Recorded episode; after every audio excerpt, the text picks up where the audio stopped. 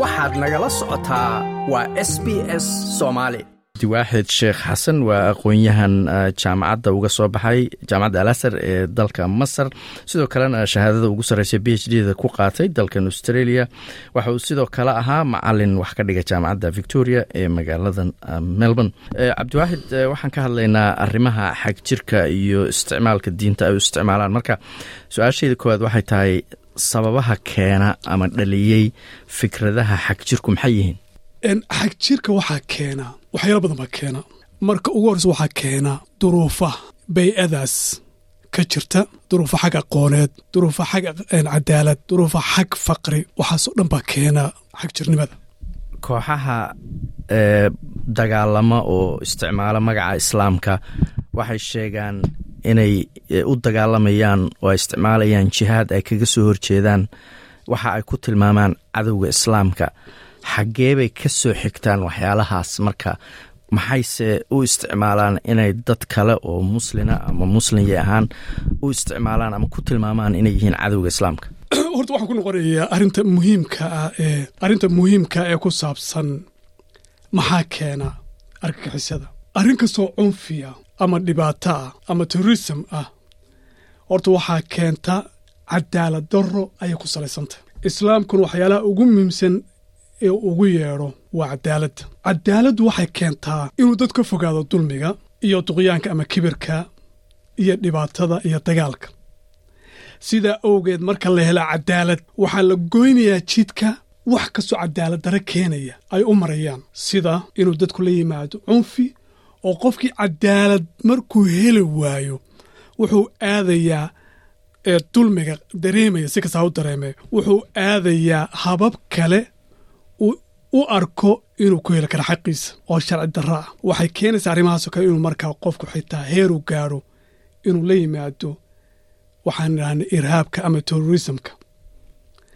Cadaaladdu marka waxyaalaha ugu muhiimsan weeyaan marka cadaaladda markaan ka hayno waa macno weynta waa cadaaladda dhaqaale. Waa cadaaladda nafeed. Waa cadaaladda fikir. Waa cadaaladda siyaasad. Waa cadaaladda arrimo bulsho.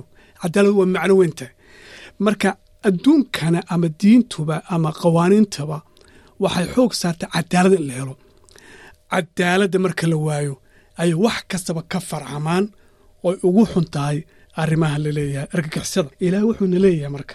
Ilaahay wuxuuna idin amrayaa cadaalad iyo ixsaan. Ixsaan waxa weye wax ugu fiican oo bilaadan loo samayn karo. Wax kasta oo wanaaga ayaa soo gelaya. Cadaaladdu marka waa shayga ugu mudan oo qof kastaba siinaya xaqiisa ee dadka u garsoora.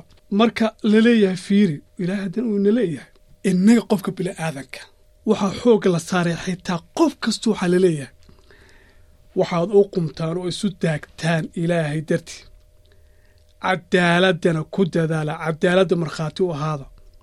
Hataa heer waxaa la gaadhay uu qur'aankuna leeyahay qof xitaa cadow kuu ah iyayna kugu qasbin amana kugu xabaarin inaad cadaalad darro u samayso. Idoo necab xitaa cadaalad darraha ku samayna qofkii.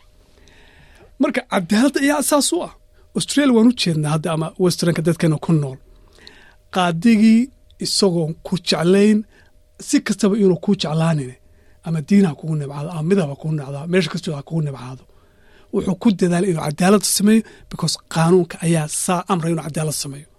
Marka diinteennii qur'aankeennii ayaa ina baraya inaan cadaalad samayno qofka xitaa aan cadowga lahayn inaan cadaalad samayno. Marka maxaad u malaynsa inaan cadaalad darro kale qof kale ku samayno?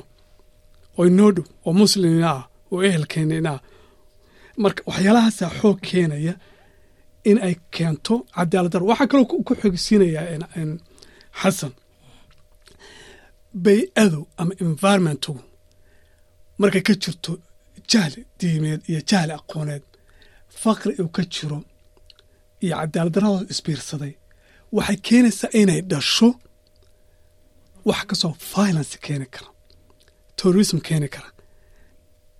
Argagixisa aan ka sheekeynayno ah oo terrorismkaa keenaysa markaa taasa asaas u ah waxaana ugu daran marka argagixisada ama qofka fikradda xag jirka ama argagixisada la imanaya ama samaynaya uu saldhig ka dhiganayo diin markuu ka dhiganayo wayna ka sii darantaha diiniyan marka laga fiiriyo kooxahan argagixisada ah oo dagaalamo sidee bay wiil yar oo dhallinyaro ah oo labaatan sana aan gaarin ugu qancin karaan in naftiisana uu gooyo intaasoo qof oo masaakiino aan waxba galabsan oo qoryo wadan oo dagaalamayna uu laayo xaggee bay diinta ama maxay u isticmaalaan yararkaas inay ku qanciyaan inay sahligaan kow waad hadda sheega waxay ku qancinayaan ilmahaasi inuu fakri jiro aqoon dari inay jirto. Haddana dadka isticmaalay ama isaguba si ay haataba ay hoos ku jirto cadaalad darro jirta ama ay dareemayaan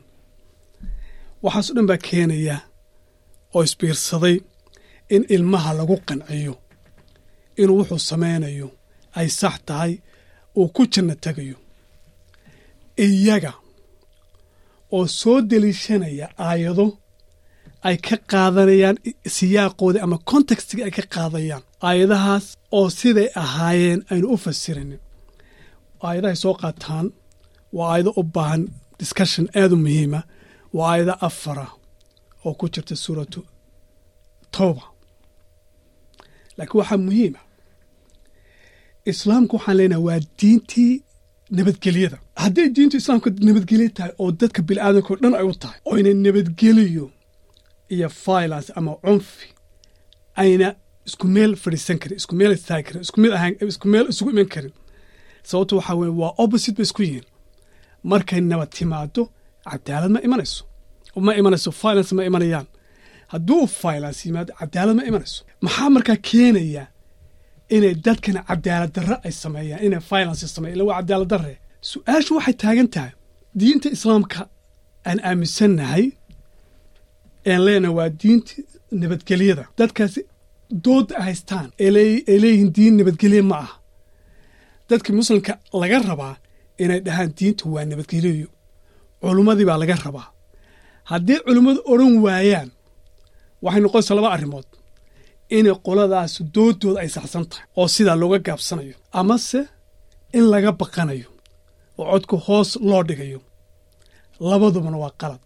Waay diinta islaamku ma aha fikradda ay qabaan ee violensiga ma aha. Haddayna ahayn culummadu maxay codkooda kor u qaadi waayeen oo marka ay timaado arrimahan ummaddan oo carruur leh oo hooye leh oo dad masaakiin meel iska fadhiya la isku qarxinayo oo ilmaha lagu soo biceeyey inuu janno ku tegayo oo ka ka dambeeya uu leeyahay jannaad ku tegaysaa maxay culummada dadka muslimka uga tegayaan? Waxaan kuu sheegay xasan dhibaatada soo taagan waxay tahay muslimka hadda haysata. Haddii xitaa soomaaliya degto waxaa ku soo socda arrimo aad iyo aad u muhiima oo waaweyn oo haddayna culummadu hadda isu taagin oo tanoo kale ayna dejin arrimo ka weynaan bay iman karta waxay arrintu tahay maxaa arrintaas u dhacday baa tahay tourismka? Haddaan diinti waan ku celinayaa aan nabadgelyo inay taan sheeganayno haddaan leenahay oo waa maxay? Qur'aankuna haddaad fiiriso. Awalkiisa ilaa akhirkiisa waxa wuxuu ku bilaabanayaa wada hadal dialogue dadka ula hadlayo. Dood qancin ayuu ku bilaabanaya uu la hadlayo caqliga qofka ula hadlayo xujooyin maarata uu hordhigayo wax yaalaha shubahaadka qof biniaadanka maskaxdiisa aan yani ku wareegaysana aan saxda ahayna uu ka tirtirayo uu ku qancinayo inay waxay si waxu jiraan xaqaa'iqda u caddaynayo. Marka haddii saati oo doonta islaamku saa tahay maxaa arrintan ay muslimiinta ama soomaaliya si gooniya maxaa u jiitamaysa? Maxaa dooda culummada isu taagi weyda aniga sheekada ugu maysan maanta aan doodeeda ku saabsan tahay. Waa taa weeyaan. Marka qur'aanku ina leeyahay qur'aankan wuxuu u hanuuninayaa ta saxda ah. Maxaa ta saxda ee nabadgelyada iyo jacaylka iyo wanaaggaasa dadkii loogu beeri waayo?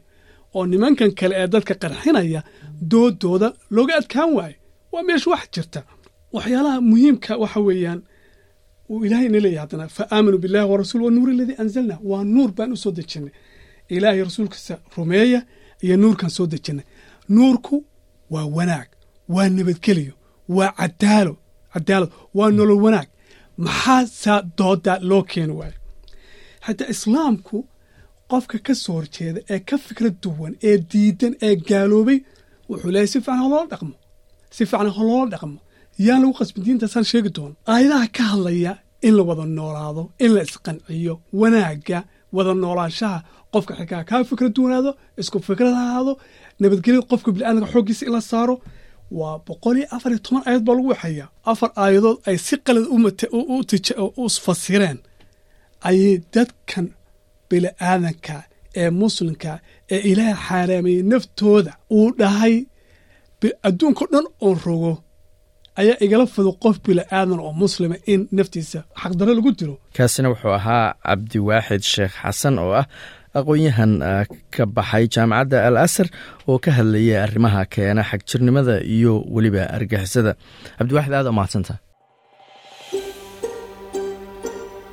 ma doonaysaa sheekooyinkan oo kale? Ka dhegayso apple podcast google podcast spotify ama meel kasta oo aad bodkastigaaga ka hesho